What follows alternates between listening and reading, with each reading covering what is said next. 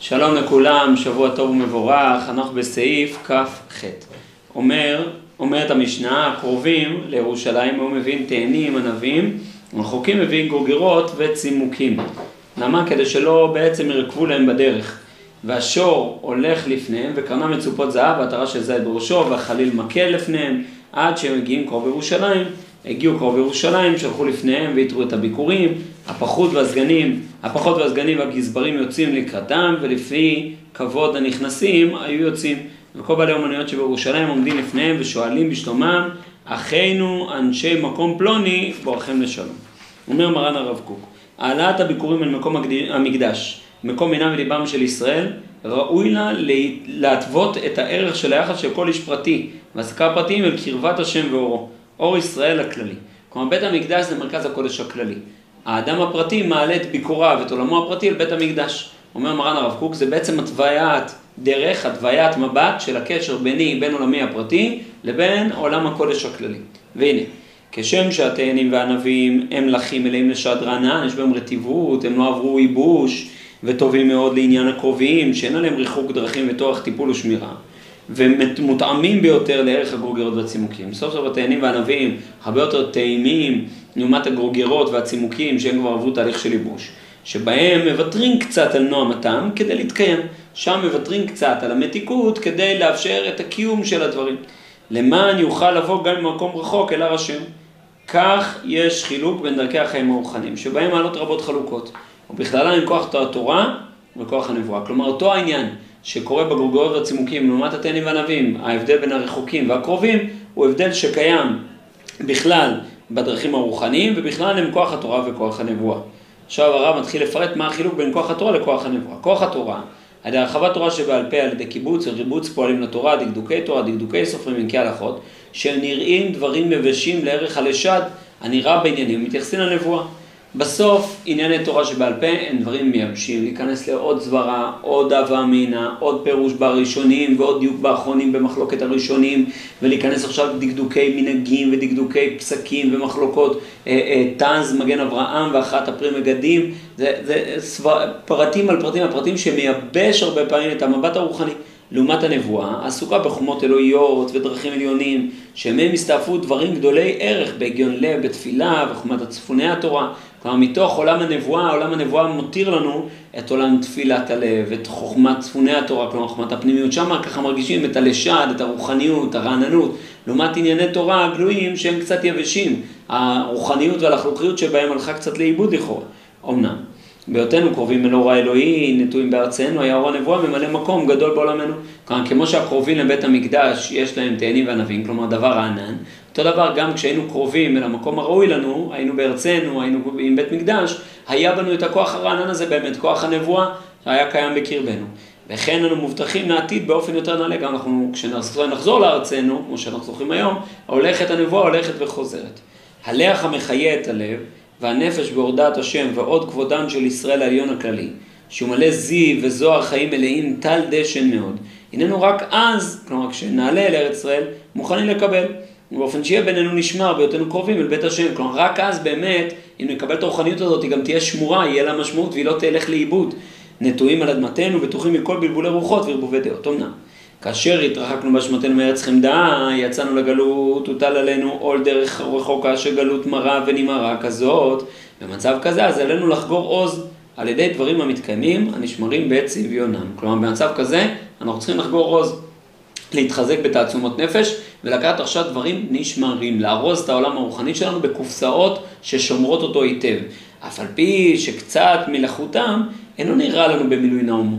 כלומר, אנחנו לא פוגשים את הלחות שלהם, את הרעננות שלהם, באותו הנועם שנמצאת נבואה. זה נראה יבש יותר, זה לא נהיה רוחני, זה לא איזה משהו פנימי ועליון, כערך ההוד, המלא חיים שבדברים המסתעפים מאור הנבואה והמבטים הגדולים האלוהים. בסוף, תכונת הנבואה היא מנחילה לנו נצח והוד. היא בעצם מביאה לנו את המבט הנצחי, היא מביאה לנו את, ה, את הכבוד המיוחד של ההוד שנמצא בדברי נבואה, מה שלא קיים במציאות של תורה. בתורה יש משהו יותר מקומץ. יותר יבש, יותר שכלי. ומה הם? הם דלת אמות של הלכה שמיום שחרר בית המקדש אין לו לקדוש ברוך הוא בעולמו אלא הם. כלומר, מה נשאר לנו? דלת אמות של הלכה. אבל דלת אמות של הלכה זה הדלת אמות של הקדוש ברוך הוא היום. כלומר, באמת, אתה בא ואומר, מה זה לעומת הנבואה דלת אמות שלך? אבל זה מה שיש לקדוש ברוך הוא היום בעולמו.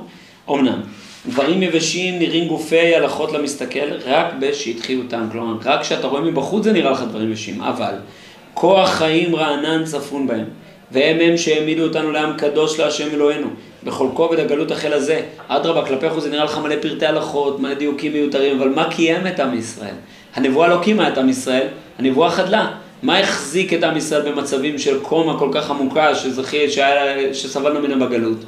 דווקא פרטי הלכות, דווקא התורה הגלויה, דווקא הדברים המצומקים האלה כלפי חוץ, דווקא בהם הלח הקטן של מתיקות שנשמרה בהם, היא זאת שקיימה אותנו במשך כל שנות הגלות. על כן, בבית שני, שהיה בעיקרו הכנה לעתיד הארוך של הגלות והפיזור, יש פה הערה שהרב מעיר אותה בכמה מקומות, גם פה, גם בלמהלכי דעות ועוד, שבעצם בית שני הוא לא היה אה, מציאות גאולית מצד עצמו.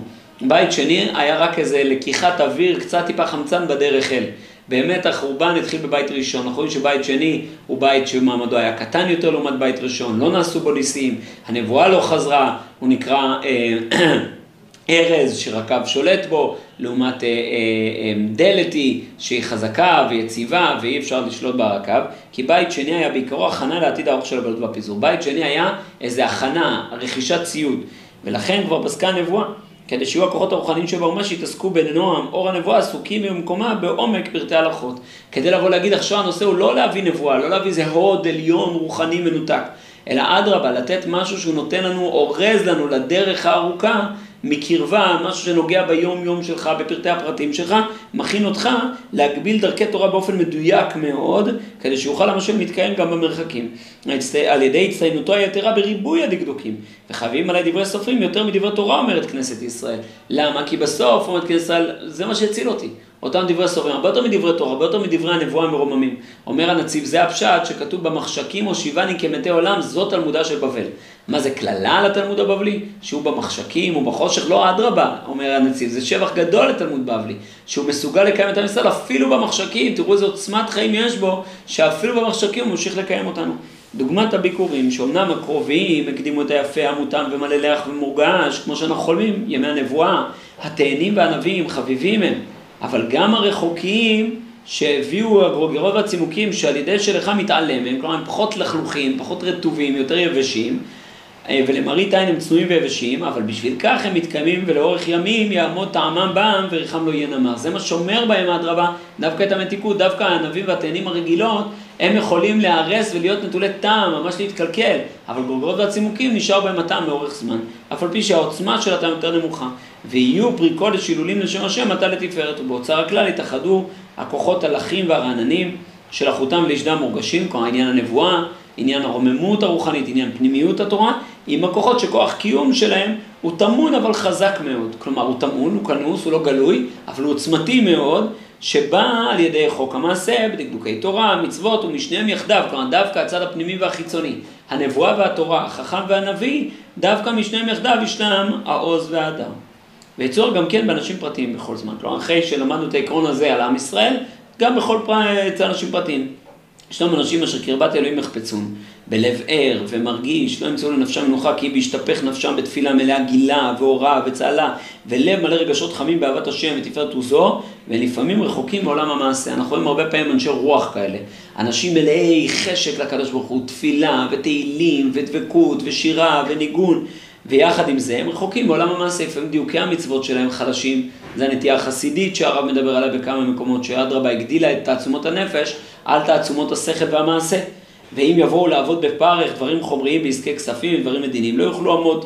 לפי תכונתם הם קרובים שצריכים להביא תאנים וענבים, זה אנשים מאוד קרובים אל השם. הם, הכל רטוב אצלם, הכל מלא לח אצלם, אבל הכל עלול להרס אצלם לאורך זמן. אבל ישנם אנשים כאלה שהם תמימי דרך, חזקים ביראת השם, אהבת שמו ותורתו, אם כי לבבם בקרבם נוח ושקט. הם צדיקים, לא מלאי עוצמה, לא מלאי טלטלה נפשית, צדיקים שמקיימים את הרוחניות שבהם בצורה תקינה, ננסח את זה ככה. הם מוצאים לנפשם חובה לעבודה ולמסע, להגדיל תורה, להרבות חסד, משפט, צדקה, מדקדקים במצוות, מדקדקים בפרטי תורה. לפעמים יהיו נשקעים בעולם המעשה לרגלי מעשיהם בכישרון, ולא יוכר אורם הצפון. כל אנשים כאלה אתה יכול לראות אותם מתנהלים בעולם החיצוני, בעולם המעשה, בעולם היומיומי, הם יודעים להתמודד איתו, יודעים לחיות איתו בצורה ראויה. רחוקים אלה, כלומר הם נראים רחוקים כלפי חוץ, הם מביאים גולגלות וצימוקים, כלומר בהם אתה בא ואומר איפה הרוחניות שלי, אני רואה בהם את אותן עוצמות שיש באותם בעלי תפילה, המתקיימת בכל הזמנים ובריבוי הדרכים ואורכם. כלומר, העמלה שלהם שהם תמיד הרוחניות שלהם יציבה, קבועה, שהם פחיתות, שעוצמתה היא מוגבלת, אבל יש להם יציבות של רוחניות. יראת השם טהורה, עומדת תורת אלוהה בליבו, לא, לא תימד השורה. ומנעי המחזה לראות שבציון מכלל יופי, שם אלו שבטים, וכשבט אחים גם יחד, קבצו יחד כללי ופרטי בעלי התכונות השונות. כאן זה בדיוק מה שקורה בעלייה לירושלים.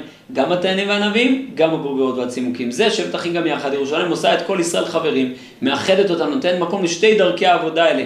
גם נותנת מקום לנבואה וגם לתורה, היא מקור הנבואה אצל צח והיא גם מקום התורה של סנהדרין אצל מזבח. וגם ממקום של אנשי תפילה, בית המקדש הוא מקום העבודה, ומקום תורה, היא מקום דקדוק המצוות, היא המקום של ההתמדה והקיום, הכבש אחד תעשה הבוקר, הכבש השני תעשה בין הארבעים, וכל אחד יכיר בפעולת רעהו הטובה ופוריה, אף שהיא רחוקה מתכונתו ומחלקו הפרטי, כל אחד יכיר את ערכו ועניינו של השני. אז זה אומר הנביא, שלום שלום, לרחוק ולקרוב, יש שלום גם לרחוק, גם לקרוב, גם לדרך העבודה הזאת וגם לדרך העבודה הזאת.